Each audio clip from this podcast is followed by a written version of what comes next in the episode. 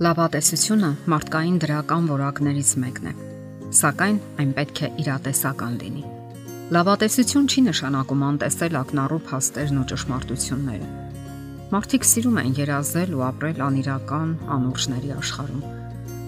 Սակայն այդ խաղաթղթե տնակները վաղ թե ուշ փլվում են եւ միայն հիասթափություն առաջացնում։ Ցավոք այն, ինչը սпасելի է երեխաների դեպքում, միանգամայն անընդունելի է հասուն մարդկանց դեպքում Այդ ծուղակն ընկնում են նաև երիտասարդները, երբ ընտրում են իրենց կյանքի ուղեկցին։ Պետք է հիշել, որ երջանիկ ամուսնության գրավականը իրատեսական սпасումներն են։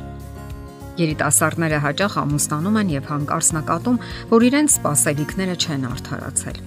Նրանք զգում են, որ դիմացինը նյարդայնացնում եւ բարկացնում է իրենց, եթե ոչ միշտ ապագոնը երբեմն։ Հեքիաթներում եւ սիրավեպերում սիրահար զույգերն ապրում են գոհ ու երջանիկ, անխռով եւ ոչինչ չի խաթարում նրանց ամուսնական կյանքը։ Ընդ որում առանց որևէ ջանքի։ Իսկ ինչու իրական կյանքում ամեն ինչ միանգամայն այլ է։ Հոգևոր ծառայողներից մեկը այսպիսի հումորային միտք է արտահայտել։ Մարդիկ մեզ նյարդայնացնում են։ Գտեք նրան, ով ամենից քիչ է նյարդայնացնում ձեզ եւ ամուսնացեք նրա հետ։ Երջանիկ ամուսնությունը հարմարավետության ու անվտանգության զգացում է ապարգևում Դա նշանակում է շփում, սատարում, սեռական հարաբերություն, լիարժեքության եւ ամբողջականության զգացում։ Եվ կարևոր է չընկնել ծուղակների մեջ, որ պարտադրում են մեզ։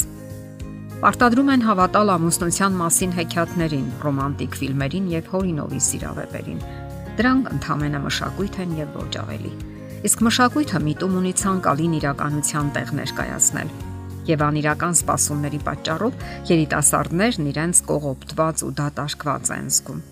Դիմացինի լավ որակները եւ ամուսնությունն ընդհանրապես գնահատել սովորելու համար անհրաժեշտ է երկնքից իջնել երկիր։ Իսկ դրա համար գոյություն ունեն սկզբունքներ եւ գործոններ, որոնք հարկավոր է պարզապես իմանալ։ Որոնք են այդ անիրական սպասումները։ Դրանցից մեկը կարող է հնչել այսպես ամուսնական կյանքն անցնելու է թեթև ու անցավ։ Դա այդպես չէ, որովհետև հեշտ չէ սովորել եւ ընտելանալ մեկ այլ մարդու կենսաձևին։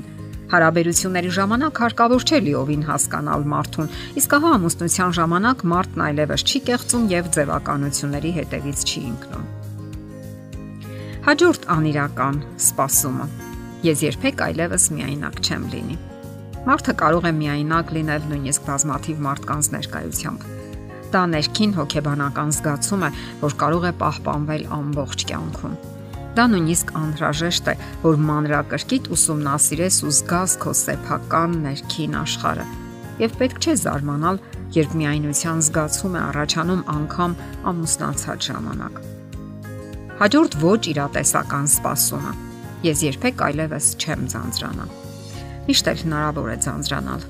Դա եւս ներքին զգացում է եւ ոչ մի մարդ աշխարհում չի կարող բուժել ձեր ներքին ամլությունը եւ առավել եւս բավարարել ձեր ներքին բոլոր հիմնախնդիրները։ Ավելի ճիշտ է ունենալ հետաքրքրությունների միանգամայն անznական ոլորտ եւ դա միանգամայն բնականon է։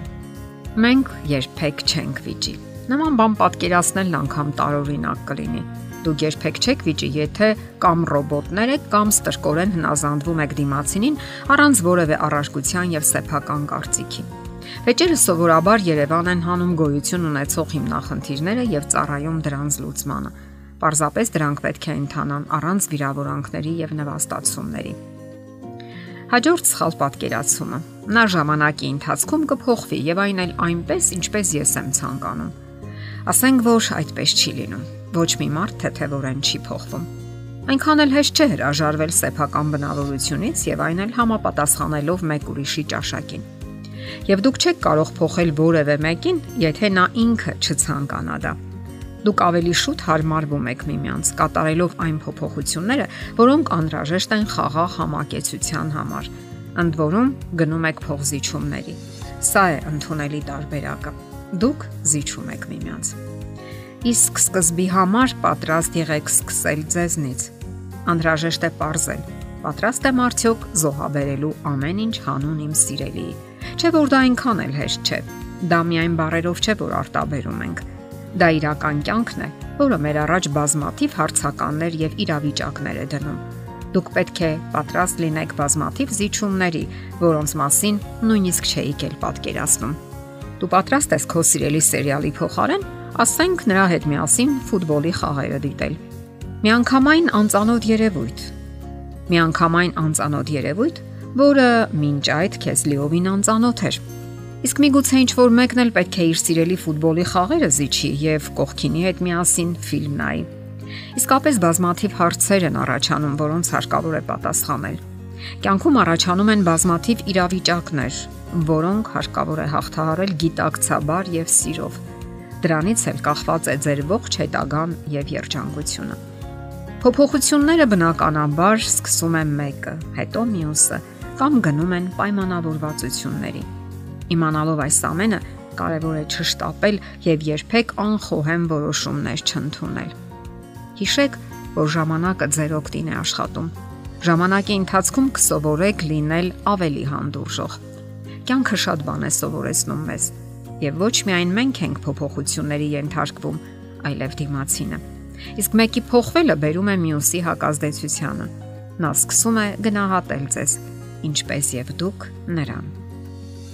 Բոլոր դեպքերում եղեք իրատես։ Եթերում ճանապարհ երկուսով հաղորդաշարներ։ Ձեզ հետ է Գեղեցիկ Մարտիրոսյանը։ Հարցերի եւ առաջարկությունների համար զանգահարել 033 87 87 87 հեռախոսահամարով։